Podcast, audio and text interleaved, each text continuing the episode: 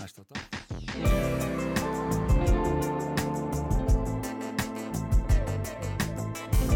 Rás 2 Fyrst og fremst.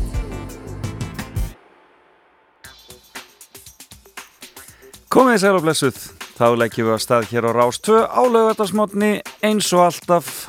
Og ég heiti Felix Bergsson, þetta er þátturinn Fram og Tilbaka.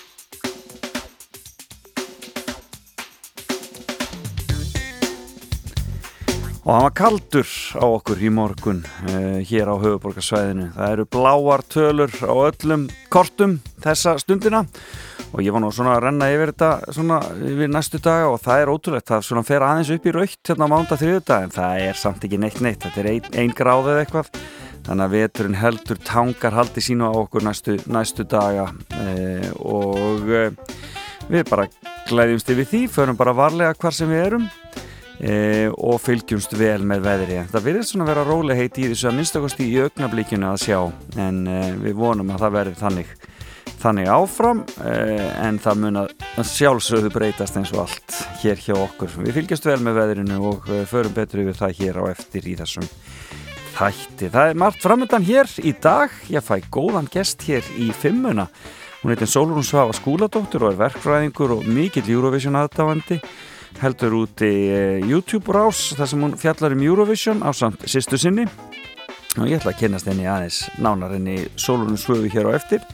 Heyra fimmuna hennar og já, svona heyra hvað hann hefur verið að barða sig í lífið og það er nú ímislegt sem kemur við sögu. Verkfræði og Japan og Kórea og, og auðvitað Eurovision og ímislegt annað þannig að við ræðum það hér á eftir. Svo eftir nýju ætla ég að spila laugin sem keppa í fyrri undankeppni söngukeppninunar, laugin sem keppa núna 27. februar í fyrri undankeppninni fyrri undanriðlinum. Eh, og ég veit að Gísli og Björg eftir tíu ætla að spila hinn fimm laugin sem keppa í síðari undanúslariðlinum nú förum við svona að lauma þessum lögum að ykkur og leif ykkur að heyra eh, fara að velta okkur upp úr söngukeppninni og eh, það er, þetta er bara frábær músík í ár Við viljum aðeins að kíkja hvað gerist á deginum og svo ætlum ég að byggja á það ykkur að ringja í mig þegar við förum í fréttagetraun og verðlaunina sjálfsögðu gjafabref í Krauma í borgarfyrðinum og það er nú aldrei list ásanlegt að koma ekki síst á degi sem þessum, það get ég sagt ykkur. Þannig það er mikið framöndan og mikið að fara í gegnum og hefur ekki bara hefja þetta á tónlistinni og ég ákveða að fara til, aftur til ásins 2006 í söngakefni, nú er alltaf fyrsta lag þáttanins eitthvað gamalt á söngakefni eitthvað sem heyrist ekki nógu ofta mínum mati. Og uh, þá var Regína Óska komað upp hérna 2006 og verða uh, vinsæl. Og um, hún uh, söng lag sem að vann ekki en varð, já vakti heilmiklega aðtegli, það heitir Þér við hlið Όθα έχει όμως όλα.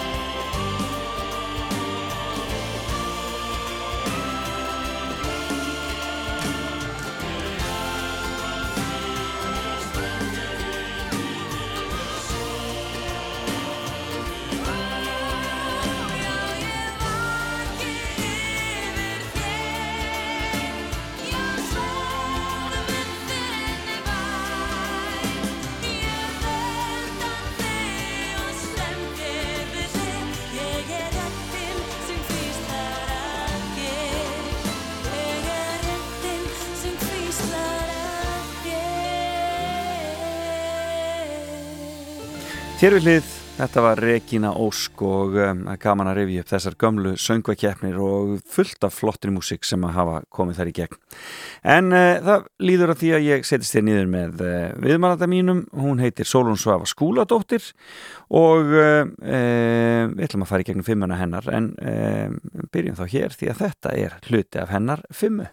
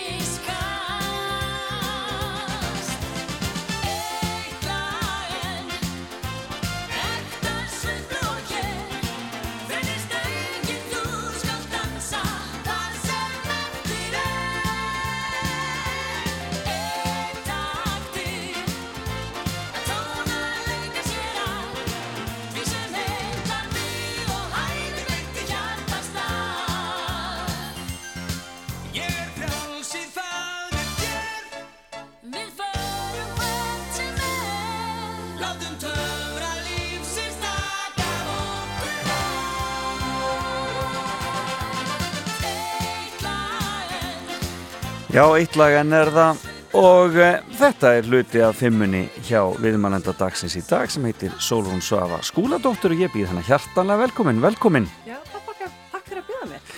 Það var nú heldur lítið, gaman að fá þig og e, þetta er nú akkurat tíminn til þess að setja Eurovision tónlistina í gang og söngvakefnis tónlistina. E, svona fyrst, þú ert svakalögur Eurovision áhuga maður. Já, ég myndi segja það. Það veitir mér mikla gleði. Já. Ég er alltaf mjög spennt þegar þetta svona, er að fara að byrja svona í byrjun ársins alltaf. Já, akkurat. Eitthvað svona, í, í, þegar allt er svo dimt og svona, þá er þetta svona ljóskíslinn. Ljóskíslinn, akkurat, nákvæmlega. En það, þú, þú er, ert að halda úti eh, YouTube-rá á sann sýstöðinni, tvíbara sýstur. Jú, það passar. Siggu. Og þarna, hvernig kom það til? Sko, þetta var árið 2020 þegar við vissum ekki neitt hvað er að fara að gerast. Já, akkurat, einmitt. og við vorum með fyrstu miðana á Eurovision í Hollandi. Já. Við vorum óttum að fara fyrstu Eurovision keppnum okkar. Það var mjög spenntar. Já. Þannig að ákvæðum, heyrðu, núna ætlum við bara að peppa okkur upp, fara alla leið í þetta, Já. alla leið.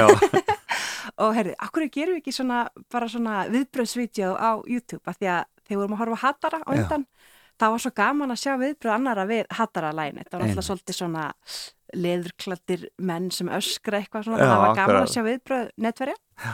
og ég plataði sérstu mín í þetta og hún bara, jú, ég hefði að gera þetta bara. Og þá þekkjum við líka lögin og horfum á þau saman og það er svona meiri svona saman upplifun eitthvað neginn og svo bara heldum við áfram í þessu og, það bara var svo gaman að við það er svo gaman að horfa lögin saman og svona eitthvað neginn gera eitthvað meir úr þessu. Já, og eitthvað líkar ekki dýla að vera í, fyrir fram myndavélina og, þarna, og svona afhjópa ykkur svolítið svoleiðis.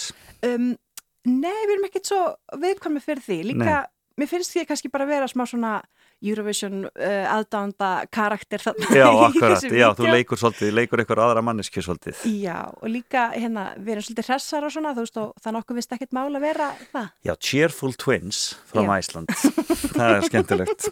Já, þetta er skemmtilegt og þessi viðbröðsmyndbönd er eitthvað sem að gengur meðal Eurovision aðdánda alveg ég meni þeir að fá þúsundir áhorfa. Já, sérstaklega bara eins og Ítalja núna er komin eitthvað 17.000 bara búið eitt, tvo dag uppi á Já, YouTube sko. vá. Og, voru, þau- og það, er semst viðbröð við læginu sem að Já, vann í, í Sanremo keppninni. Akkurat. E, en skemmtilegt. En, en, sko, en, en fimmanðin er semst Eurovision lög og þetta var það fyrsta Já, frá 1990 þú ert nú ekki nema þryggja ára þarna. Já, en ég hugsa að þetta væri svona fyrsta Eurovision minningin mín. En já, Þetta er svona, þú veist, þegar maður lítill, maður veit ekkert hvað er sjónvarpinu. Nei, nei, þetta er bara akkurat. eitthvað, eitthvað sem mamma og pappi er að horfa á En þú veist, þetta lag lifir svo vel og maður man alltaf eftir rauðakjólnum, það svona, kemur svona, svona flashback í hugan, sko. já, akkurat Og líka, kannski svona, valdi þetta líka, því að í svona 90, þá var kannski ekki alveg, jafn- fólk hætti ekki verið alveg opið með að fíla einhvern Nei, veginn. Það var meira akkurat, svona, akkurat ég, þetta Eurovision, hvað bull er þetta? það þútti Eitthvað. hallarislegt Þannig að ég hugsa að þetta lag hafi bara pínu kent mig líka að segja, heyrðu, jú, ég er bara hrifin í Eurovision og það er bara þetta allt í lagi að segja það. Þannig að þú veist þess vegna líka Sigga Beintins svona æði og þeir gera Akkurat, þetta svo vel, sko, þannig að hérna, þetta er alltaf svona á staði hjarta mínu, þetta lag. En var Si- Sigga sýsti þín montin að heita Sigriður eins og Sigga Beintins? Já, hún ákvað bara að Sigga Beintins var upp á sönguna sína því að það eru nöfnu, það gengur ekkit annað. Auðvitað. En hvar voru þið 30 ára gamlar? Hvar, hvar voru þið aðalast upp? Þá vorum við líklega í, já, Kópavogi, við Já, byrjum í Vesturbænum, mamma Já. er þaðan Já. Og svo kaupa þau, ég held að við höfum eins ást þegar við flytjum yfir í hérna Kópavogin í Kjærholman. já, já, já. Já, Og það er aðlist þið upp? uh, svo flytjum við þaðan þegar við erum svona sjöttara á Já. Altanis, þannig að ég myndi segja að við höfum meira alist upp á Altanis. Já, ok, þannig að það er svona meiri minningar þaðan. Já, svona sem að mann meira eftir. Já, akkurat. Áhugavert. Jú, jú. Eh, hvað gera fóreldrar ykkar? Sko pappi var alltaf að vinna í já. hérna var frangvöldstöður þar Já. og svo er mamma kennari og hún er að kenna í hérna lækjaskóla í já. Þannig að það var svona, þannig að það var lesið og svo les á heimilin og, og, og var mikil tónlist hjá ykkur? Sko, ég myndi segja alltaf mikil áhersla á, á hérna nám. Já, að því að pappur og sveit og þau eru alveg hérna mörgsískinin já, og það er kannski ekki algengt en þau fóru held ég öll nema eitt í háskólanám en samt sko öll í framhaldsnám sem sagt eh, einni befilegur ekki allir hinn eru með háskólagráði já, ég skil. úr sveit og það kannski ekkit svona þannig að amma og afi voru mjög mikið sko nám er þú veist mentur Já, ment er máttur. Já, mennt er máttur ég, já. Akkurat, já. En þarna, hvað, hvaða sveit er pappiðin úr? Uh, hann er úr Dölun Já, já, já. og Lamberar og hérna og Dönustæðir Já, já, já. hann er hérna það eru svona ættar hérna Ættar óðalið? Já, og stundum ég greinlega með eitthvað rosa sterkan sveip. Ég fæ stundum bara fólk bara hérðan að það, bara ertu, ertu frá lamberum og bara þá er ég svo lík sýsturum hans Já, pappa en og bara þekkir í björgu og ég Já. bara já, sýsturins pappa, bara þekki okkur bara fjallega, sko. Dalamenn er náttúrulega einstaklega hlýtt og gott fólk. Já, já, já, það er gott hérna- að koma í dalina. Já, og þekkja, þekkja, sitt, þekkja sitt heima fólk, Já. sko. Og menn komist kannski ekki langt í burtu. Þetta var svolítið að vera, vera svolítið heima, heima alið. líka, sko, það sem ég finn með dalamenn að þeir eru rosa mikið í ættfræði. Já, einmitt. Bara, þú veist, það er til einhvers svona dalamannabók Já, það er bara reglulega flett upp í henni það sem allir eru svona útlistaðar hver, hver skildu hverjum og, já. og mér finnst svona fólk úr dölunum vera meira með ættfræða hreinu en aðri svona mín reynslan Já, akkurat. Já, það er dásanlegt, dásanlegt að vera úr dölunum. Og þannig að þið farið þar á sömrun og svo viðs. Já, núna sko þannig að hérna uh, já, við förum reglulega og þá er sko húsi sem langafi og langamáttu heima og svo sem afi og amma og svo er nýtt hús þannig að það eru svona þrjár kynslaður á húsum uh, hérna, á svæðinu sko. En dásanlegt, Já. dásanlegt.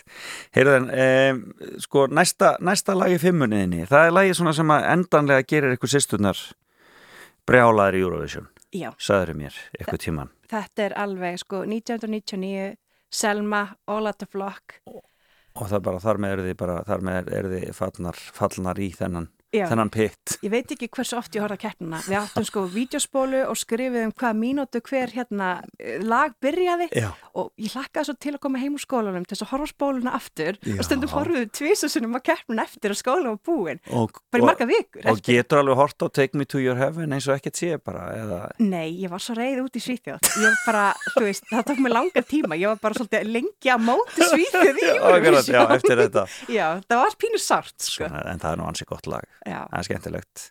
Heyrðu, hlustum á Selmu.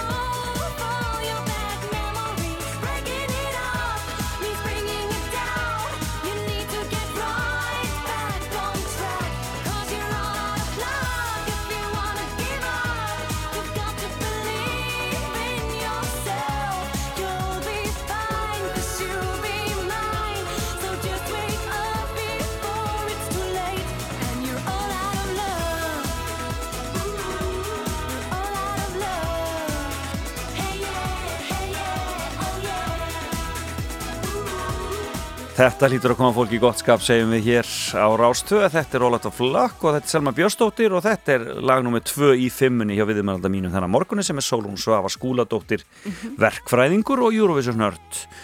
Og þetta er lagi sem að gera þig endanlega Eurovision aðdáðanda, eða ekki? Jú, ég myndi segja það. Ég var alveg bara, sérstaklega fyrsta árun eftir þetta, þá horfði ég alla keppninar bara mjög svona, eh, bara ótrúlega mikið. Já, af, af, af, af, af trúar hitta og áhuga. Já, í rauninni.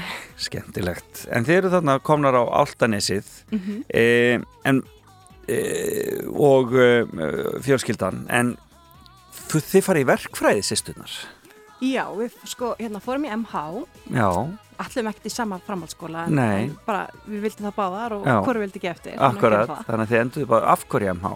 Uh, ég held líka því að stóra sýstur okkar hérna var í MH. Já, Hún ég hafði skil. svolítið áhrif á Það, það, það hefur alltaf áhrif, já. Og líka vorum búin að taka svona, svona flugferð í eh, starffræði og íslensku og svona, þá fengum við það metið í MH. Já, ég skil, já, ég skil, akkurat. Þetta var að taka færri áfanga. Já, akkurat, en þið voru svona starfræði nördar frá byrjun eða hvað? Ég hefur alltaf átt vel við okkur, sko. Ég hef allt- alltaf ekkert átt erfitt með reikning fyrir Já. kannski í byrja verkfræði. Er svona aðeins annað anna level á starffræðinni, sko. Nákvæmlega, en, en sýstir eitthvað, hvað er hún mikið eldri en þið? Hún er fimm árum eldri. Já, þannig að þið lítu mjög upp til hennar Já, hún er líka rosalega klár. Hún er sko doktor í stjarnælisfræði. Ég- Þannig að hérna- hérna hér Þó að við Sigga höfum alltaf verið bara fínir námsmenn, þá vorum við alltaf bara frekar lélega hlina henni, Já, sko. alltaf velta hana En það var svo gott að hún gæti alltaf hjálpa okkur, þú veist. Hún kunni allt. bara. en þú segir að þið hafið ekki að þið hafið ekkert endilega alltaf saman í mentaskóla en þið, þið enduðu saman sko, þetta með að vera tvíburi, mér finnst þið sko svona þið e, þið komið í rauninni alltaf svolítið fram saman einhvern veginn Í, þegar maður verður svolítið týpur er svona rosalega líkur af því Já. Að, að öllum við einægja Já. nýlega búin að komast að því. Og hérna að það ekkert að líka tekur fólkum en oft saman sem bara uh, einingu Já, akkurat, þannig að ef ég ger eitthvað þá það er sagt sig og pínu- sóla það er sagt sig og sóla, það bitnar að pína á skil. sérstaklega þegar maður yngri sko, að fólk mandi ekkert. En var það erfitt á yngri árum að vera fannst ykkur það erfitt að vera tvíburar? Já, stundum, já, en núna finnst mér það rosa gott þegar við erum svona með lífsförnut já, akkurat, já, þannig hérna, okkur finnst það mjög gott núna. Já. en þegar við erum yngri þá rifstu bara eins og hundra köttur sko. já, og við byrjum í taekwondo þegar við erum yngri og, og við vorum svo góðar í því að því vorum svo vannar að slast góð.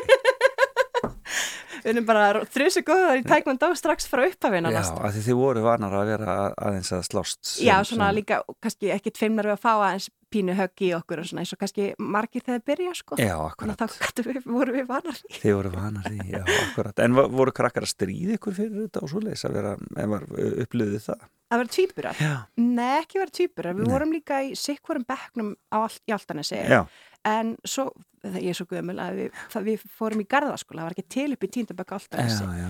þá vorum við í sambekk og ég held að fólk hafi nú bara fundist þetta bara pínu spennandi svona, en ég fattaði ekkert að það væri eitthvað öðruvís að vera týpuri fyrir en ég var bara 13 eða eitthvað, þetta er náttúrulega bara eðlilegt fyrir manni. Auðvitað, og ég fattaði ekkert að þetta væri eitthvað eitthvað spes, já, skilur já, akkurat þannig að hérna, tók smá tíma að fatta það. Er, það, er það náttúrulega bara fullkólega eðlitt og a- allt það en, en svona það er bara svona maður velti fyrir sér hvernig lífið er að hafa svona aðra manneski sem maður heldur í höndin einhvern veginn. Já, þetta er svolítið eins og ég hafa verið gift í, þú veist, öll mín ár. Já, Ég þarf akkurat, alltaf að pæla ykkur um öðrum. Ég get Já. ekki tekið allar mín ákvarðanir bara að hugsa um mig, nei. heldur hvernig áhrif hefur það á. Já. Þess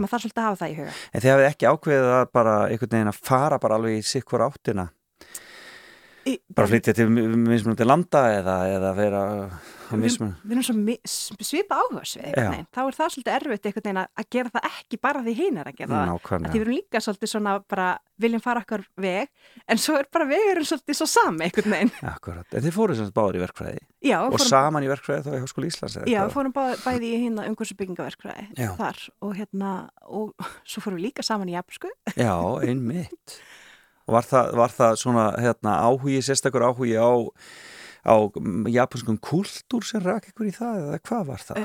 Það var pínu stórsistur okkar að- kenna. Já, hún er svolítið nörd svona, svona, veist, Já. Hvað heitir hún? Ása skúladóttir. Ása, og hérna og uh, hún var sem sagt að byrja að horfa eitthvað svona japanska þætti. Hérna Löngaður menn voru að byrja að slíka á Netflix og svo leiðis Já, og þá vorum við bara, ég afsert að fara að horfa eitthvað japanska þætti, hvað er þetta? Hún bara, pröfu þetta, geggja, ég bara, ok, það var eitthvað svona verkfall í bandaríkina, þannig að það voru ekki þættir til eitthvað. Svo var þetta bara geðvitt skemmtilegt og svo náttúrulega klárum við verkfræðina bara í hruninu eiginlega. Já. það er náttúrulega ekkert mikið að gera í verkfræðinni. Nei, svo hafði alltaf verið lau, lauma blundur um að fara í skiptinám og svona. Já, og hugsaum, herru, pröfum bara jafnbörsku eitt ára, sjáum hvernig okkur líður með það, veist, Mhm. það hvort er allt rosa rólegt í vinnumarkanum og, og svo var maður svolítið búin eftir uh, BS í verkfræði, þetta var Já. mjög krefjandi ná, bara akkurat, maður þurfti að leggja allt í sölunar akkurat. og hérna, og svo var svo gaman að fara í jafnbörsku og að því að maður byrjar frá nulli, veist, í verkfræði þá þarf það að kunna ótrúlega mikið þú byrjar í því. já, en þannig ertu bara ekki, kannt ekki neitt Já, bara, bara að læra ABC, bara skilur að segja hæ. Já, Já, bara hæ. já, akkurat. Þannig að veist, þetta var svo skemmtilegt. Svo var bara svo gaman að við ákvæm bara að klára, fórum í skiptina á 2013-14 og það var bara alveg frábær lífsleysla. Bara Og geggjað. þá í Tókjó eða? Nei, við vorum í Kyoto. Ok, Hann hérna, uh, frendi minn hafi verið í skiptinni með að var svona í, í grunnskóla og hann sagði þið verða að fara í Kansai-svæðið, Kyoto er þess að þar. já, Og við bara, ok. Og svo fundum við skóla sem var með ótrúlega ódýra leigu. já, Þannig að það gætu við ferðast meir um svæðið og svona. sko. Skil, það er snjált. Og við vorum líka aðeins eldri en hinnir að því að margir fóru kannski beint uh, í BS og, og, og svo strax en við vorum alltaf búin Já, þannig að við vorum aðeins lífsreyndari kannski Já, og forðum meira að fara svona út um allt Einmitt. að ferðast um sko. Þannig að þið upplifið Japan bara, fáið bara Japan beint í æð. Já, algjörlega. Og gátuðu þá talað aðeins þegar þið fóruð? Já, því Um. þeir eru svo lilir í ennsku að bara strax var japansku nokkar betri. Já, Það er svona neyður mann í að nota hana mikið og í rauninni eh, svona læra maður miklu hraðar þannig einhvern veginn. Að því maður bara er hendi í djúbulegin og getur ekki dretta sinni en annan hátt. Sko. og hefur haldið henni við? sko, við sigga notum þetta sem svona leinitungumál. Já, nema hvað, nema hvað. eða kannski við ringi hérna í vinnunni og ég bara tala um, þú veist, viltu fá þær að borða það eftir Já, vinnu, já. segja það bara jafnfjösku bara til þess að aðeins að halda þessu lífi Frábært. þannig að ég er ekkert að segja neitt vond um hlutina um fólki, ég er bara að reyna að halda jafnfjöskunni við Já, þetta er mjög sniðt, en samt sem áður kannski ekki beint leinitungumál þegar þjóðin eitthvað telur einhverja. Nei, en Íslandi er þetta bara eins og eitthvað svona eins og blabla, eitthvað svona. Skemmtilegt. Og mun le- leiðin eitthvað til að liggja aftur til Japan? Við ætlum náttúrulega 2020, Já. það átti að vera ferðára miklu, svo fara til Eurovision, ætlum að fara til Kóru og Japan og Já. ferðast mjög mikið, þannig að það þarf bara að býða betri tíma, Akkurat, þetta er alltaf að koma. lengri tíma að slaka til. Ég nú bara kemur þetta sko, ekki spurning. En fóruð þið til Rúslands 2009? Nei, við vorum svo ungar þá, þú veist, þá varum maður bara fátöku námsmaður og eitthvað svona. En, já, ég valdi náttúrulega lagið 2009. Það er svolítið út af því að það var svona fyrsta Eurovision partíð mitt. Já. Ég var, þú veist, í rauðum kjól, ég held með Noregi, alltaf hann var alveg indislegur, og var í rauðum kjól með hvítbelti og svona bláa línu í beltinu. Ok, Og sýsti mín var búin að sauma kjól sem var hvítur. Við vorum í MH-kortnum, maður kannski ekki segja, hann breytti MH-kortnum sem svona hvítur kjól og setti svona bláan borða og bjóti finska fánan úr honum. ég vona engin, engin mókist, en vorum hægt að nota hvítakjólinn og maður á hann, þannig að hérna, já hún bara nýtti, Þorgerður er kannski ekki að hlusta. já, en þetta er mjög umhverfisvænt, nýta það sem var á. algjörlega. Heyrum is it true?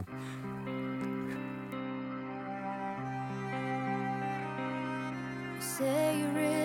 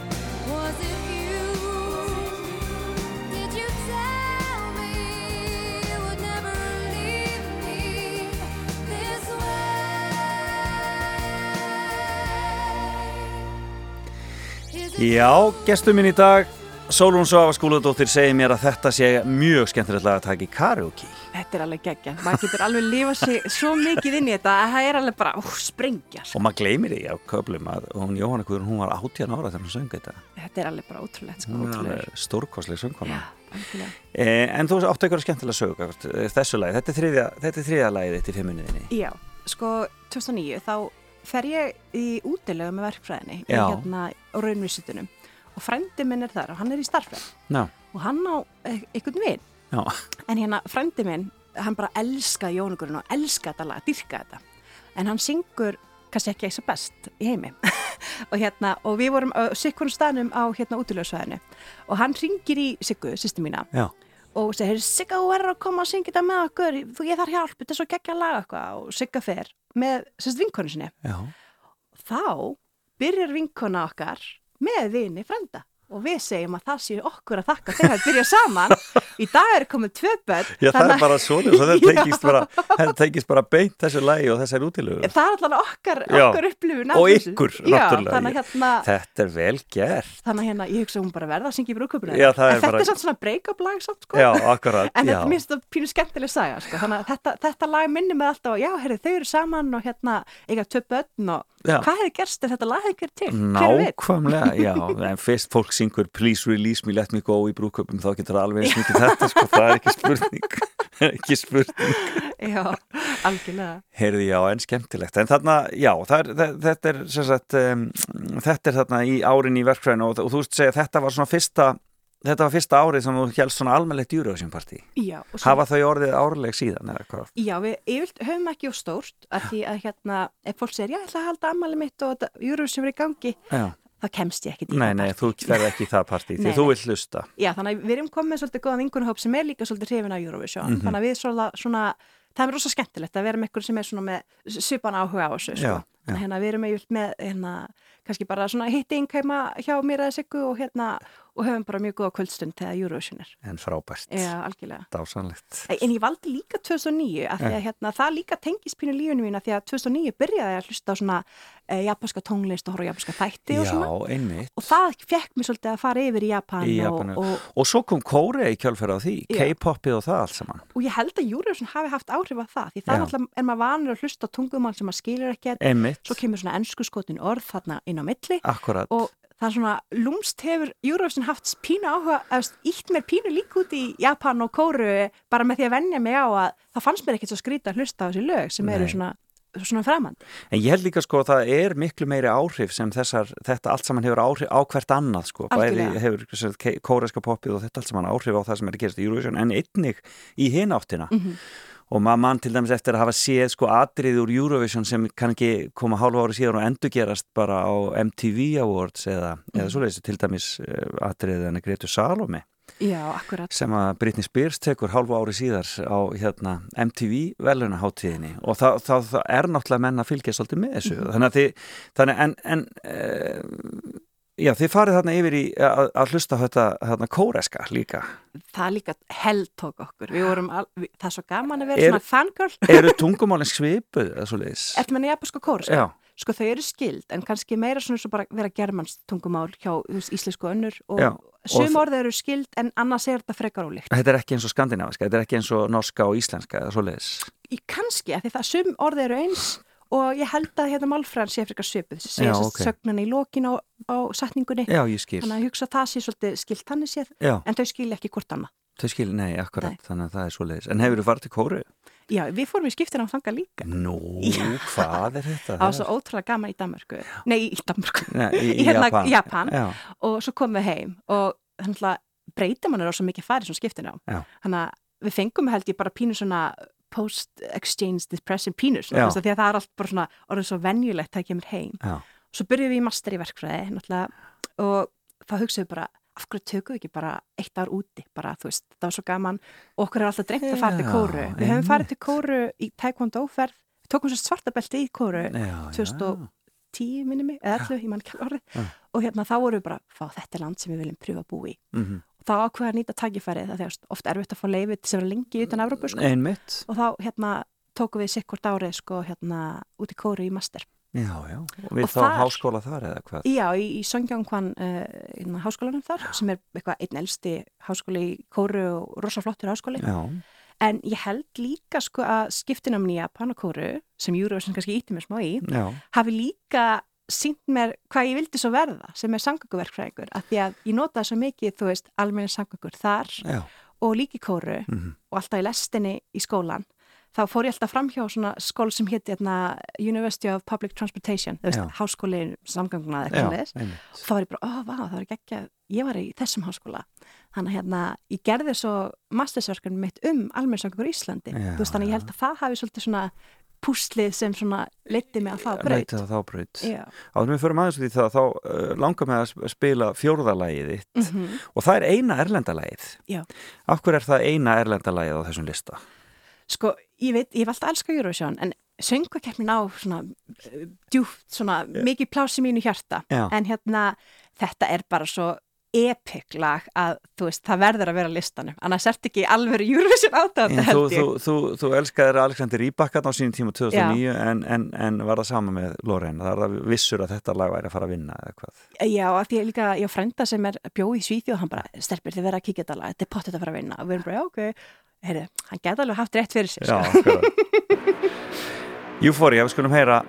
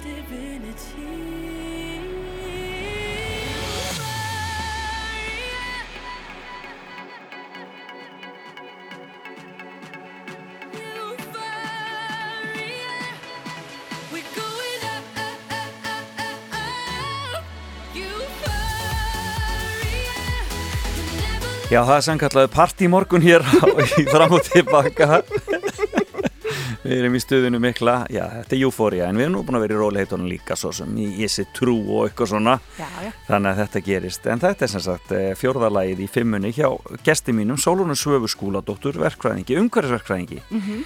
Eh, og samgöngu Já. sem er stödd hérna hjá mér. Og það, þú semst ert að vinna núna bara hreinlega í borgarlínunni Já, ég er það ekki, eða ert að vinna hjá Strætó eða, já, ég er að vinna hjá Strætó, en það er mikið samstarf á milli Strætó borgarlínunar já, og sem sagt, uh, kannski fólk er erfitt með að skilja þess að borgarlínu, bara Já. hvað er þetta og eitthvað, en í rauninni er borgarlínan innviðnir mhm. til þess að leið geti ekki hérna án þess að vera tröfluð af umferðinni. Akkurat, það er rauninni, þetta er rauninni bara leið til þess að gera almenni samgöngunar hraðari Já, og nýtilegri fyrir borgarana í rauninni. og þannig að við hjá Strætó í samstarfi við fullt af öll sveitafélun og svona, þú veist, hérna og erum að hanna nýtt leiðanett þá erum við svolítið svona að plana heyrðu, hvað leið ekur í þessum innviðum og heldur áfram eitthvað annað. nákvæmlega. Þannig að þú veist, hérna, Þannig að það verði ekki þessi stopp í rauninni í kerfinu eins og hafa alltaf verið einhvern veginn. sko, það verða stopp en hérna uh, ekki eins og fólk hafa hugsað borglinu, margar Nei. hugsað, já, verð ekki bara innverað mjótt og svo þurfa allar að skipta í mjótt. Já. En við fengum svo sagt hérna, erlendar aðgjöf uh, hjá fólki sem er mjög vant að gera svona BRT, Bus En- Rapid Transit uh, lið. Og þá er rauninni nýjast útgáfana að klára að fara inn í hverfi til þess að búið ekki til hérna þunga skiptingar í mjótt, þannig að allir þurfa að skipta ógislega mikið í akkurat. Þannig að hún myndi halda það áfram borgarlínu sem fer í breiðholtið, halda áfram út í hverfi þannig að flesti komast leða sinni. Ég skil, þetta er spennandi en ég menna eins og ég segi, þú, þú í rauninu upplifir þetta þegar þú ert í Japan og Kóreu svona að, að hvernig þessar almenningssamgöngur er að virka Mhm. almennilega Já, algjörlega. og, og varstu þá bara að nördast yfir þessu alveg, fylgjast með þessu og pæli þessu alveg út í það vantarlega. En mér varst bara gaman að taka metróið og Já. sjá strætóin og hvernig það virkaði Já, og líka hérna og það er nú, ég menna það er þeir fá vetur, þetta er alveg alveg, alvöru vetur í, í Kóreu og Japan. Ég hættu bæði lönd með fjórar ástíðir þannig Já. að þau eru alveg mjög vön og það verður mjög kallt í februar. Ég fór, ég fór fyrst til Kóru í februar, það Já. var alveg mínus 15 gráður eða eitthvað. Það var óksla kallt sko. neymitt. Þannig að þau eru alveg vön því. En það, það er ekki jafn mikill vindur Nei. og ekki jafn mikill úrkoma, snjór og, og, og, og rigning og sko. Eins og við fáum hér, einmitt. Já. auðveldra að fá fólk sko. Já, En, hérna, en þetta svona kveikti áhugan og þannig ég gerði verkefni svo massinsverkefni mitt og það kom í ljós að þú veist, til þess að fá fólk til að hérna, nýta almennsöku meira, þá er fólk meira tíðni Já. og það er bara svolítið akkurat sem borgarlínan er og komast meira greitt áfram á leiðsinni. ég meina það er náttúrulega vandamáli að maður Já. þurfi að, að, að, að sæta lagi Já, á hálftíma fresti að reyna ná, reyna ná stræt og þannig að borgarlínan er svolítið svona tíðaferðir og þegar er komin þessi innvið þannig að hún stoppar ekki á leiðinni, Já. Þá hérna er miklu auðveldra að halda uppi mikill tíðni, þá veistu bara að áræðanleikin ekst og þá veistu að þú getur verið með sjö eða tímda tíðni án þess að hann sé að stoppa og frestast þannig að næsta ferð riðlast út af einhverjum umfyrirtöfum eða slikt. akkurat, Þannig að þetta er, þetta er sko að fólk er oft, akkur þarf þess að borgarlínu, getur ekki bara bætt strætó og þetta er bara að vera að bæta strætó í rauninni. Í, akkurat, Þannig að hérna, og það bara heitir þetta Já, ég hugsi þetta bara sem heilt kerfi. Þú veist, það verður ekkert sér borgarlínu kerfi.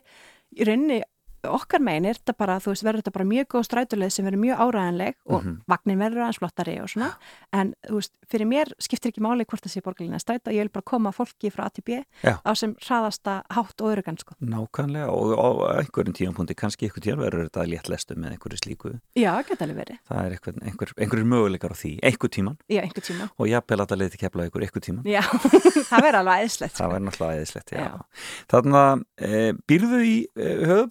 að eða ertu ennþá út á Altanesi?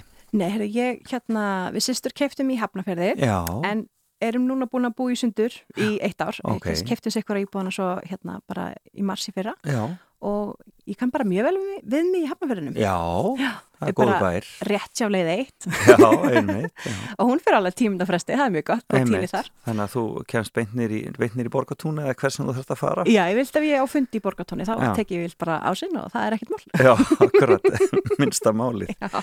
En þarna e, en þið haldið áfram að fylgjast með söngakefninni og með Eurovision Mhm. og hérna, ætlið að mæta í ár á söngakefnina Já, algjörlega, ef við Við bara fyrst, fyrstar mættar. Fremsta, og erum, við erum sko ótrúlega góður að hvetja fólk áfram. Já, Ég, ég vil trúa að ég gefi hérna listamennum orku með því að segja, segja svona vá, flott og veist, og sjá hvað við erum spenntar. Ég held að það gefi listamennum orku, þannig ég hugsa ég í 0,0001% í, í flutningnum. nákvæmlega. En ætlið ætlið að gera myndböndum uh, íslensku lögin á einhverjum eða Sko, Við erum að hugsa það, við finnst svolítið náið Já, þannig að hérna kannski tökum við bara lagi sem vinnur, Já. svo við séum ekki að hafa áhrif á að- aðra, Mhm. aðra hérna, áhrendur. En ég hérna hlusta á öll legin uh, á sunnudeginum, fór í göngutúr og tók mig góðan tíma. Já. Ég var bara skjálbrósand eftir. Það var svo gaman að fá þessi nýju lög og, og nýju listamenn og, og ég var bara, ég var bara brosti og ég bara, ah, ég er svo spennt fyrir þetta verið geggjart, þú veist.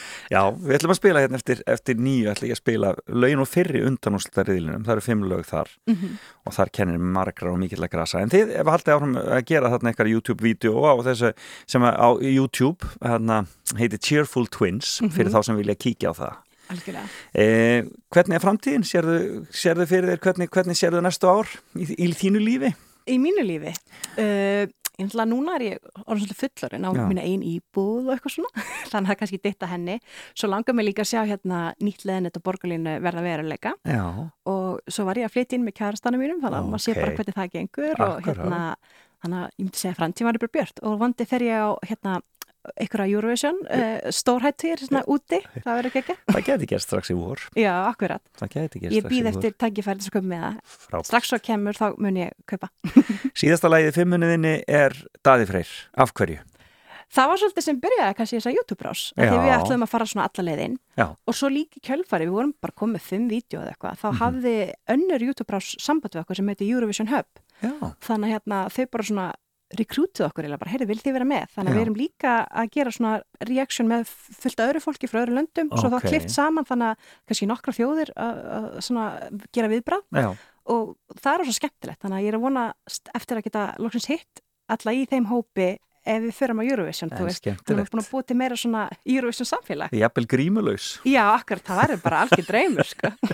En það var semst, já, það var í rauninni þetta, þe- þessi keppni 2020 sem kom ykkur svona í gang í þessu Algjörlega. og þið ætluðu að fylgja daða til Rotterdam Já, ég var líka bara að segja allir kringum þið verða að kjósa dag, það verður svo gaman, ég er að fara að fylgja honum og Já. þetta er skemmtilegast að læta að fylgja, þið verða að kjósa fyrir mig. Ég held að margir hafi eh, fyllt uh, þarna fyllt þessum orðinínum og ég held að þetta hefði farið vel ef hann hefði fengið og þau hefðu fengið að flytja þetta Og svo líka reyndar eitt skemmtilegt, að því að hérna, lokakeppnin var á hlaupastegi Já. og pappi minn á ammali hlaupasteg. Já, já, og, og við heldum surprise ammali, svona óvænt ammali fyrir hann um daginn áður en það var 29. februar og við byggum til texta um pappa okkar við lægiðan staða. Já, Þannig að hérna, þú veist, sem hann elskar ættfræði og eitthvað svona, Já. elskar að spara pening og eitthvað svona. Dalamæðurinn já, svo fengum við líktu krakkana til að leiki í vídjóinu og kliftum það og síndum í veislunni. En skemmt Og fólki fannst þetta skemmtilegt, ég held að kveitaði þrissasinnum í veislunni, sko. Þetta er náttúrulega síðasti dagurinn sem hægt var að halda veislu bara Já. í tvö ár, skiljið. Akkurat, ég lifi ennþá þessu. Já, algjörlega 29. februar 2020. Hér er Daði Freyr Sólun svo mikið var gaman að fá því heimsókn. Kæra þakkir fyrir spjallið Já, og takk fyrir. já, sjáumst fljótt, bless. Baby, I can't wait to know. Believe me, I'll always be there. So.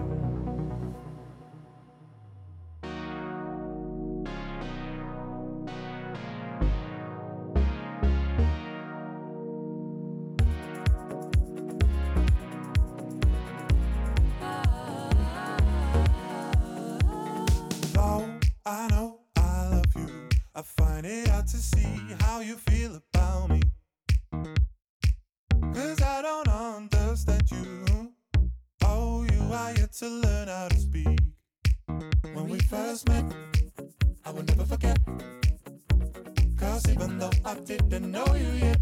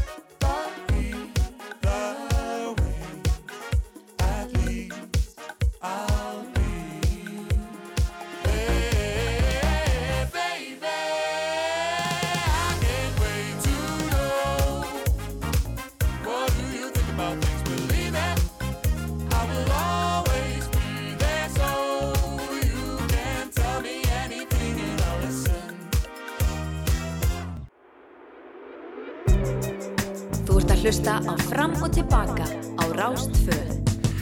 Já, og ég heiti Felix Bergsson og uh, það er búin gaman að vera með ykkur hér þennan fyrsta klukkutíman og frábærin gesti mínu Sólrúnu Söfu Skúladóttur sem að uh, er uh, já, umhverfis og samgönguverkfræðingur og sagði okkur af fimmunni sinni. Og þetta var síðasta lægið í henni. Þetta voru Eurovision lög sem voru í fimmunni hennar. Og ég ætla að halda áfram að velta mér aðeins upp í Eurovision eða söngvakeppninni hér áfram í þessum þætti. Því að á næsta klukkutíma ætlum við að lauma inn öllum lögunum fimm sem keppa í fyrri undanúrslita riðlinum í söngvakeppninni í ár og svona aðeins að aðeins að uh, hlusta á það og, og uh, byrja að velta því fyrir okkur hvaða lag við viljum senda. Hvaða lag við viljum senda uh, til Ítalíu uh, í ár. Það verður spennandi. Og uh, ég ætla líka aðeins að segja ykkur af því sem gerðist á þessum góða degi en í dag er 12. februar alveg ótrúlegt hvað þetta líður allt saman. Og svo eh, er fréttageturinn og búið að margt í fréttum í vikunni annað heldur en COVID. Og eh, þá megið þið ringja og reyna ykkur við fréttageturinn og hún er alltaf eins hjá mér. Það þarf að svara eh, þremur spurningum rétt og þá er eh, velunin sem eru gjafabref í náttúrlögarnar Krauma. Eh, það, er, eh, eru velunin sem að sem að eh, þið vinnið ef þið klárið það.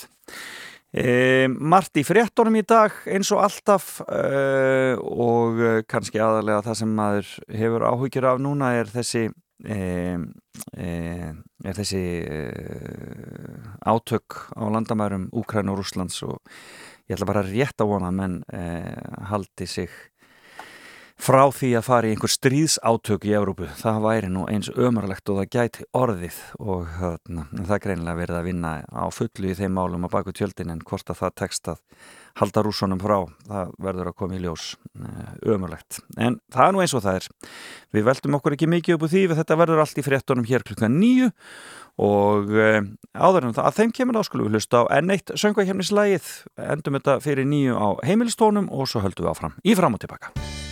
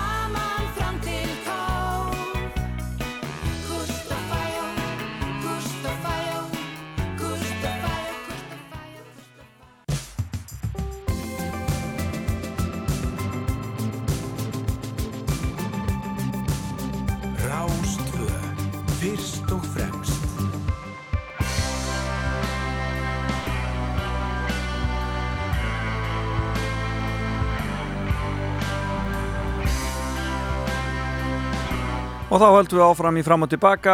Það er Emiliana Torrini sem byrjar þetta hjá okkur hér eftir nýju. Þetta er lag sem heitir Baby Blue.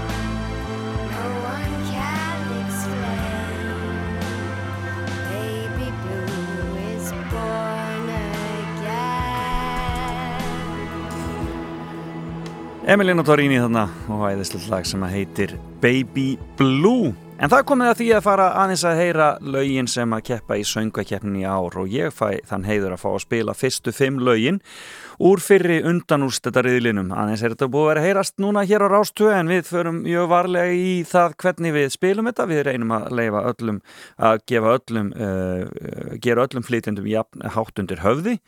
Þannig að það er mjög fylst vel með því að um, allir fái nákvæmlega jafn mikla spilun. Og fyrsta lagi sem ég spila heitir Don't You Know en er samt á íslensku Eh, og eh, eh, í rauninni heitir það Segðu mér á íslensku en þau sískinin vilja það heitir Don't You Know og þetta er íslenska útgáfan af því. Og uh, þetta er Már Gunnarsson sundkappin knái og tónlistamæðurinn og sýstir hans frábæra Ísold Vilberg söngkona og uh, tónlistamæður og e, þau kalla sig Amarosis e, upp á einhvers konar já, ætla sé ekki latína bara, Amarosis og e, og syngja þetta príðilega lag í fyrri undanúslitum söngakefninar. Hérna er íslenska útgána Don't You Know með Amarosis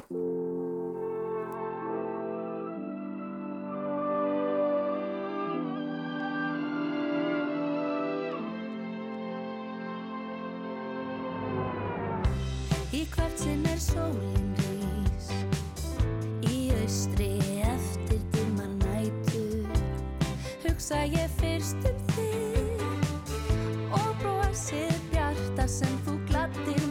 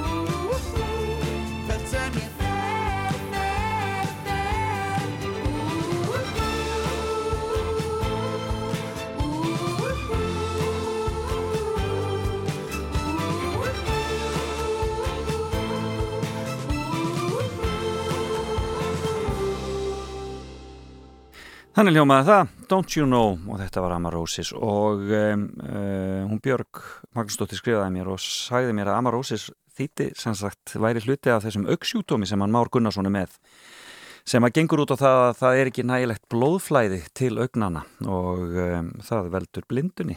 E Það er eh, áhugavert og verður öruglega heilmikið rætt í aðdraðanda söngakefnar. En þetta var semst fyrsta lægið Don't You Know eða Segðu mér, Amarosis þarna og uh, við heyrum hinn fjögur hér eftir smástund. Velkomin á Fætur, fram og tilbaka á Rástfjörn.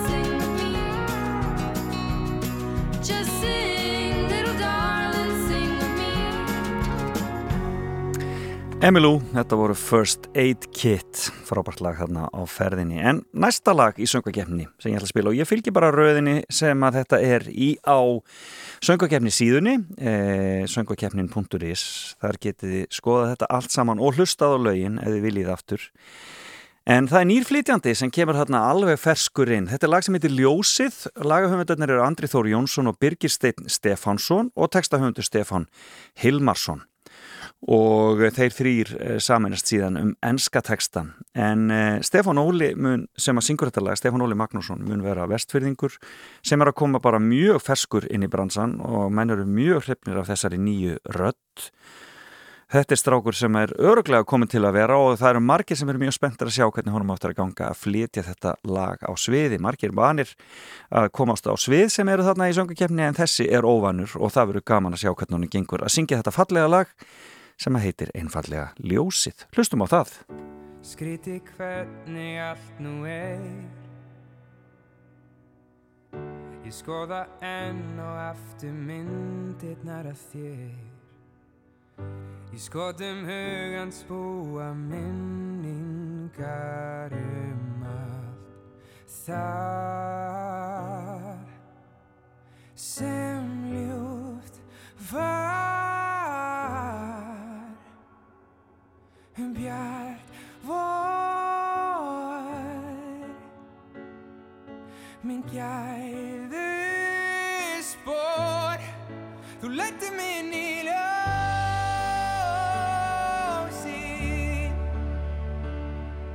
hvað lífið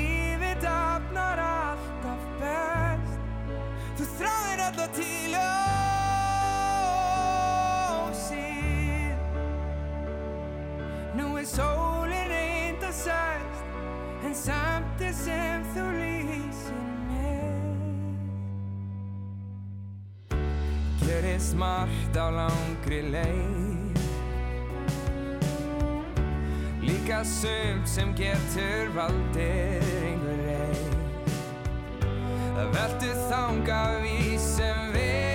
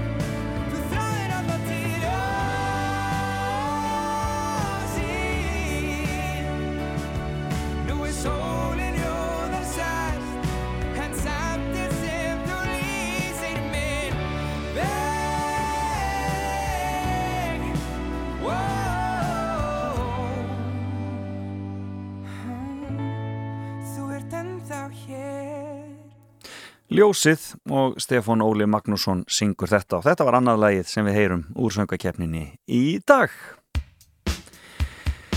Og svo veit ég að Björg og Gísli ætla að spila hinlögin úr setni undanúslariðlinum.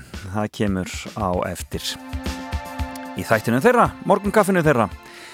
En uh, við ætlum að kíkja aðeins á það sem gerðist á deginum og uh, já, það er nú að ímsu að taka uh, og um, já, ég vil ekki bara renna okkur í þetta. Uh, í dag er sem sagt 12. februar og þetta mun vera 43. dagur ásins. Uh, þannig að um, það gengur á árið eins og alltaf uh, og uh, á þessum degi árið 1832 þá innleimaði Ekvator Galapagos eigjar e, og e, það var held ég heið ágætast að skref því að e, það hafa Ekvator hafa verndað eigjarnar ágætlega minnst að kosti svona í setni tíð. E, og dásamlegt að koma þangað get ekki mælt með því nósamlega. Fyrsta manngerða skautasvellið var opnað e, í Madison Square Garden í New York borg árið 1879 á þessum degi er þetta ekki merkilegt? Þetta gáttu þér eh, 1879 Amælistagur Abrahams Lincoln sem var valin sem þjóðatíðadagur bandarækjan á þessum degi árið 1892 og skjaldamerki Íslands var staðfest með konungsúskýrði eh, árið 1919 en merkinu var síðan breytt 17. júni 1944 Árið 1940 var Eldey friðuð með lögum og bannað var að ganga á eiginu án leifis ríkistjórnarar og bannað að granda þar fugglum. Já, menn hafa menn fóru að hugjaða náttúruvendinni snemma sem betur fyrr. E, Íslenska íþróttufélagi Breiðablík var stopnað þessum degi árið 1950 og einnig samband Erfska sjónvastöða eða EBU það var stopnað þessum degi árið 1950. Árið 1965 var merkilegt hótel í Reykjavík opnað á þessum degi og e, í öllum herbyggjónum í hótelinu 36 tölu voru málverk eftir íslenska listamenn. Nú er spurt hvort menn vita hvaða hótel ég er að tala um. Jú, þetta var hótel Holt. Opnað á þessum degi árið 1965. Það er ekki eldra en það þó.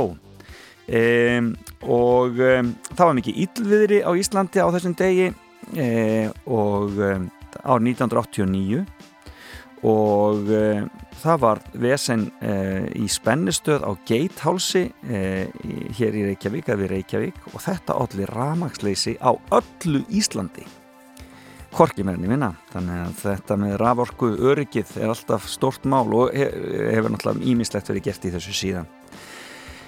E, já, svo er nú kannski ekkert svona neitt sérstaklega merkilegt annað, e, jú, vantrausti gegn Bill Clinton á bandarækið var felt á þessum degi árið 1999 og e, Mattel fyrirtækið tilkynnti að Barbie og Ken væru hægt saman eftir að hafa verið par í 43 ár Já, ég heldur sem talið merkilega vel uh, útlítinu, það er magnað alveg sko. Svo eru það ammælisbörnin, já, já, það er nú kannski ekki mikið hér en Lárus Pálsson, íslensku leikari, hann fættist á þessum degi, jú, Charles Darwin, hann fættist á þessum degi 1809, Lárus Pálsson 1914. Þetta er svona kannski svona, þeir, svona helstu, jú, Abraham Lincoln auðvitað, 1809 líka, sama dag og Charles Darwin, þeir voru jafnaldrar, ég hef ekki gert mig grein fyrir því. E, þannig að e, já, það eru svona þeir sem koma hér upp minnst í þessu. Svo er, er ef maður kíkir á fésbókina sína já, hverjir eiga ammæli í dag? E, ég sé að Frans Gunnarsson e, gítarleikari og, og rockari hann á ammæli í dag, Steinar Gunnarsson e, bassaleikari í, e, og gítarleikari í Sue Ellen hann á ammæli í dag Já, er hann gítarleikari eða bassaleikari? Já, nú var ég að spyrja hérna, góða menna því. Já, og Ingólu Sigursson, knasputnumadur og uh, aktivisti. Hann er 29 ára gammal í dag. Já, þetta var það sem gerðist 12. februar. Gaman að fara í gegnum þetta og e, vonandi er það einhverju nær. Við ætlum að fara í fréttagetun hér og eftir, en við ætlum líka að hlusta á lögin sem er að keppa í söngvakeppnin í ár og næstur á svið er engin annar en Haffi Haff. E, hann er með merkilegt lag e, sem heitir Gíja e, og e, ég held að heiti ég held að heiti hvað heitir það á ennsku, heitir það í Volcano eða hvað? Já, Volcano á ennsku, Gíja á íslensku. Lagahöfundar Steinar Jónsson og Sigurðar Ásgeir Árnason og Haffi á textan ásand Sigurði Ásgeiri. Og e, þetta er mikið stuð. Krakkarnir er eftir að dansa við þetta. Þetta er Haffi Haff og hann keppir í fyrri undanúrslutariðilinum í e, sögukeppni þann 27. februar Hlustaðu þegar gíja kallar. Hlustaðu, svaraðu þegar gíja kallar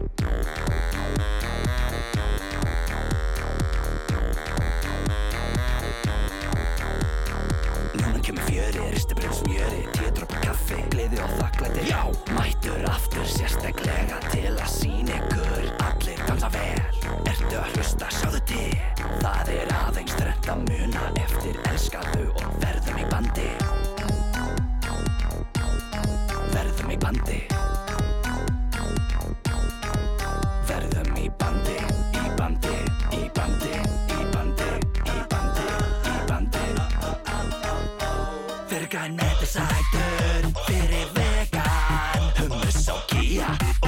gíja, og gíja Fyrir þau sem geta kjöp, mér er alveg sama Hummus og gíja, og gíja, og gíja Svo verðum í bandi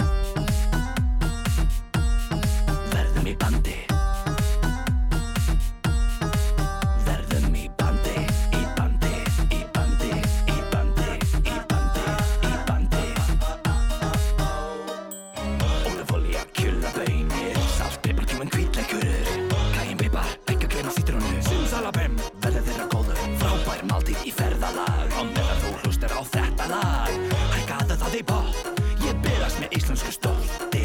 Ísland er komið til að vera. Ísland er komið til að bera Börn og fullandi sama Við kærleiki lífi svo gama Já, ég ætla að einu með öllu nema tráum. Og eitthvað fleira. Já, hummus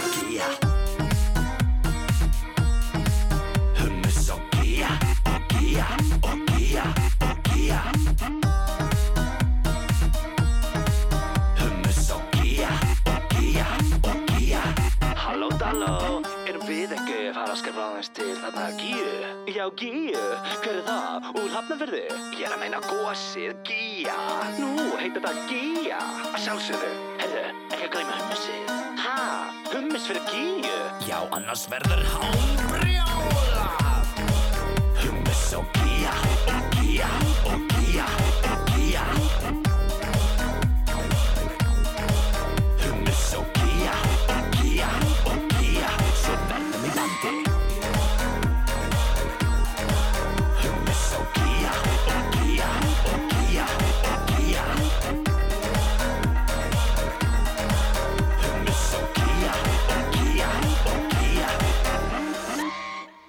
Já, skemmtilegt er það Gíja og Haffi Haff þarna e, og hann keppir í fyrir undarlösta reyðli Söngakeppninar 20. og 7. februar Við heyrum hinn tvö lögin sem eftir er Ég er búin að spila þrjú og tvö eftir þau við koma á næsta hálftímanum en fyrst er það fréttageturinn Þú ert að hlusta á Rás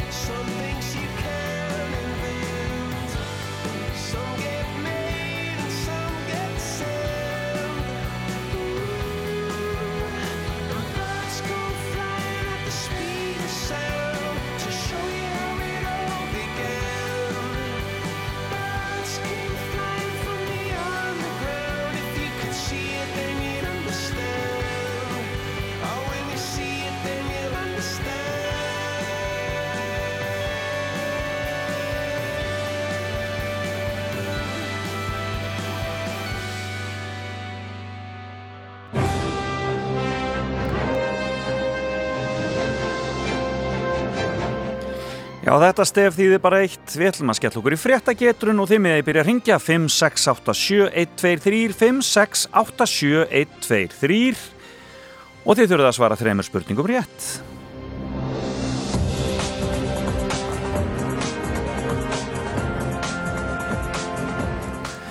Og verðlauninu gefa brifi kræma, náttúrulaugar í deildartungu, deildartungu hver og um, ég veit að það eru margi sem var alveg til í að skella sér í fallega veðrinu í dag e, í e, svona heita laug en um, símenni byrjar að ringja alveg á fullu þannig að við skulum bara heyra í fyrsta hlustanda Góðan daginn Góðan daginn, Góðan daginn, hvaðan er þú að ringja? Reykjavík. Þú ringir úr Reykjavík í góða veðrinu hér hjá okkur Já, já. Heyrðu, e, og fylgist vel með fréttunum, vona ég. Heyrðu, við skulum bara skella okkur í þetta. Þrjú íslensk fyrirtæki tilkynntum hagnað upp á samtals rúma 80 miljardar króna í vikunni. Og ég spyr í hvaða... Já, hvað segirðu? Bankarnir. Já, þetta er alveg hárið þetta. Ég ætlaði að spyrja hvað geirar. Bankarnir okkar. Ha, Já, já. hverjir ætli borgi þessa 80 miljardar fyrir bankan okkar? Við um þortið okkar. Er það ekki? Jú. Þeim finnst ekki verra að fá þetta frá okkur, blessaðir. Hmm. Ég skil ekki hvað það verður ekki bara uppreist. Það er nú eins og það er. Heyrðu en nóðum það og talandi um um, um, eitthvað skemmtilegra, eitthvað annað. Um 29.000 litla karfa raka á fjöru stóru sandvíkur uh, í breminu í byrjun vikunar. Ölduhæð fór ítrekkaði við 30 metra. En hvar í ósköpunum er stóra sandvík? Hún uh, lítur að vera bara á vestfjörðum. Nei, það er ekki rétt. Kæra þakki fyrir að ringja. Takk fyrir. Já, bless, góð, takk, bless. Já, hvar er stóra Sandvík? Mér finnst þetta magna. 29.000 litlir karvar. Nei, ekki veit þessi það. Ára spurninga þennan. Góðan daginn. Ekki þessi heldur en þessi. Góðan dag. Góðan dag. Þá veist þú hvar stóra Sandvík er? Stóra Sandvík, uh, hún er hérna út á Reykjanesi, ég er rétt hjá uh, Garskavita. Já. Já, já. Ég held að það sé uh, rétt, ég sko Reykjanes er rétt, ég er ekki alveg sem við, þannig að þetta er svona fyrir sunnan hafnir. Ég gefði já, rétt, ég gefði rétt fyrir hérna, Reykjanesi. Út á Reykjanesi, sko. Já, einmitt. Þetta er sko í rauninni, sko, já, svona alveg á, á, á hælnum eiginlega á Reykjanesinu, sko, í vestur, Já, já, Beint. beint í vestur. eitthvað Sandvík er það sem hérna í aðri og bíómyndinni, flags og hvað það var tekið. Já, var það þar sem það var tekið í stóru sandvík? í sandvíkinni. En finnst þetta ekki magnað? Þú veist, 30.000 karvar, þetta er ekkert smáraði, sko. Þetta hefur verið, hefur verið eins og sláturhús sko. Skeið í brimi, Heyrðu, já. Heyrðu, það er, eh, hvað er þetta að ringja? Kópói, Þú ert í kópáinum. Næsta spurning. Það er Erlend. Norræn ríkistjórn tilkynnti vikuna viðræður um nýjan varnasamning við Bandaríkjan væri í bíkerð. Þetta geti þýtt að hermenn frá Bandaríkjanum sjáist í þessu norræna landi. En hvaða land er þetta? herru, þetta voru Danir, eh, danska ríkstjórnir sem Hún var að semja við þá. Það er rétt hjá þér. Nú er allir með böggum hildar yfir þessu ástandi þarna í Úkrænu og þá fara menn að, að reyfa sig í varnarmálunum. Já, já. Heyrðu, þú ert komið tvær, tvær réttar þannig að nú er spurning hvort þú klárar þetta bara með tilþrifum hér hjá mér. Þegar ég spyr, þrýr konungbornir einstaklingar og jafnvel Íslandsvinir eru nú með COVID og liggi í bælinu. Þetta var í fréttum í vikunni. Hvaða fólk er þetta? Og ég sætti mig alveg við tvönöfn af þreymur. Uh, herruðu, hún er búin, það er allan, já herruðu, Margrét Þórildur, hún, hún, hún lagðist í bólið Mm og Karl Bretaprins. Já, þannig eru komið tvö. Veistu hvað þið þriðja er? Uh, ég veit að Erdogan fórsetti Tyrklands. Já, er hann með COVID? Já, Ha. það var nú gott á hann. Nei, það er ekki, það er ekki hann sem ég er að spyrja um, það var Filipus, það var Filipus Spánakonungur, en þú varst með þessi. Já, já. en þú varst með þetta, Margrét Þórildur og Kat Bretarprins, það nagði mér, þetta var rétt hjá þér, heyrðu, vel gert. Hvað heiti maðurinn? Herruðu, ég heiti Enok Clemensson. Enok Clemensson og eh, sækir þetta ekki bara hjá mér, fyrst ert í kópáinum. Rennir bara upp í afstæðliði. Heyrðu, kæra þakki fyrir að ringja Enok og takk fyrir þetta. takk fyrir Já, blessaður.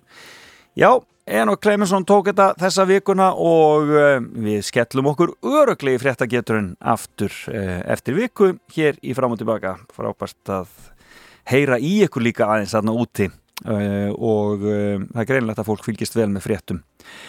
Um, og já, við kýlum á þetta aftur eftir viku en næsta lag í söngvakefni það er Stefania Svavastóttir svo frábæra söngkona sem að er að syngja lag sem að heitir Hjartað mitt eða Heart of Mine á ensku þetta er lag eftir hann eh, Haldur Gunnar Pálsson og Magnús Þór Sigmundsson sjálfur semur textan frábært samstarf þeirra Haldur Gunnars og, og Magga e, e, í hveragerði.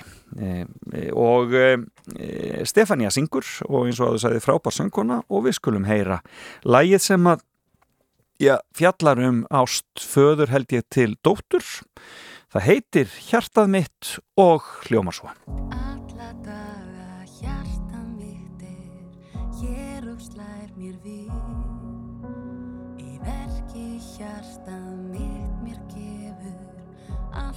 segulsvið og mitt er þitt Og framundan er lífið sem við eigum hér.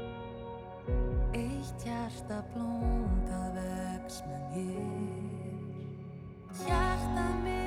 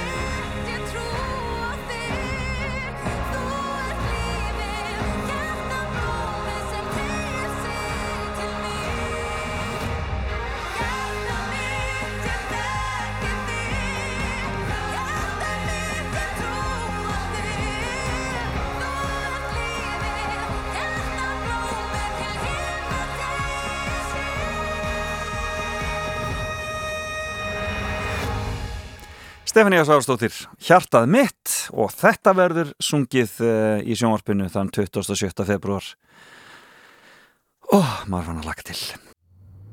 Góðan daginn Ísland. Fram og tilbaka á Rástvö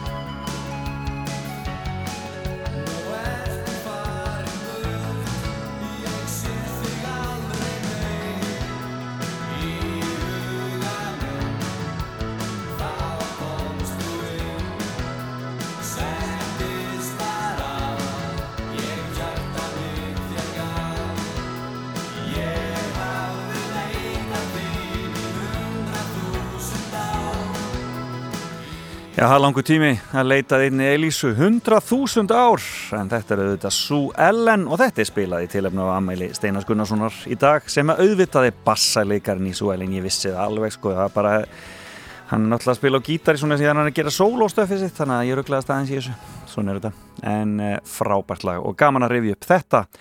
Góða uh, lag frá uh, nýjunda áratöknum og uh, það er náttúrulega leiðir manna verbúð annað kvöld, það verður ótrúlegur lokað þáttur, ég held að spennan sem sé að byggjast upp sé svakaleg. Hvernig halda menna þetta fari? Hver áttir að stinga hvernig í bakið og hver áttir að selja hvað og hver áttir að, já, enda hvar? Þetta verður rosalegt. Ég á eitt lag eftir sem að á að keppa í fyrir undanúltariðli í söngvakeppnin í ár Sigga Beta og Elín flytja lagið með hækkandi sól. Og Sigga Beta og Elín eru auðvitað Eithórs dætur dætur Eithórs og Ellenar. Frábærir tónestamenn allar þrjár en þær er að syngja lag þarna eftir hana Leiló, Lofísu Elisabethu Sigurunadóttur sem er að taka þátt í söngakefnin í fyrsta skipti og já, lagið heitir með hækkandi sól og ég fæst orðbæra minnst ábyrðið sko bara hlusta á þetta fína lag hjá þeim og þetta er fymta og síðasta lagið í þessum undanúslita riðili og þetta verður allt saman í sjónvarpinu 27. februar og við höldum að fram að spila þetta á rástöðu nema hvað